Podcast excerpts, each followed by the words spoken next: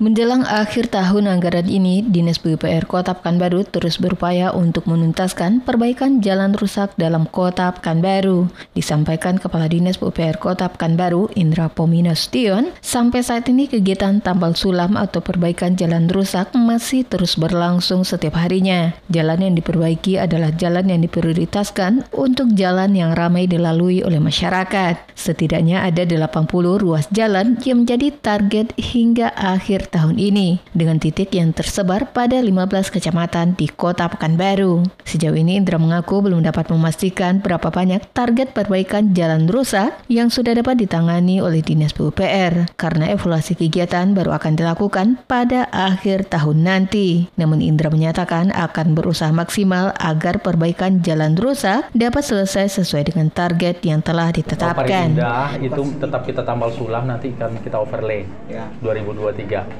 Terus yang ini Dahlia tadi Pak Wali ah. Kota juga minta kepada hmm. kontraktornya itu supaya segera diperbaiki. Mungkin supaya lebih cepat itu nanti kita rigid aja. Ini kan belum masanya ya. Bentar lagi mungkin di akhir bulan baru kita evaluasi berapa progresnya. Desi Suryani, Tim Liputan Barabas, melaporkan.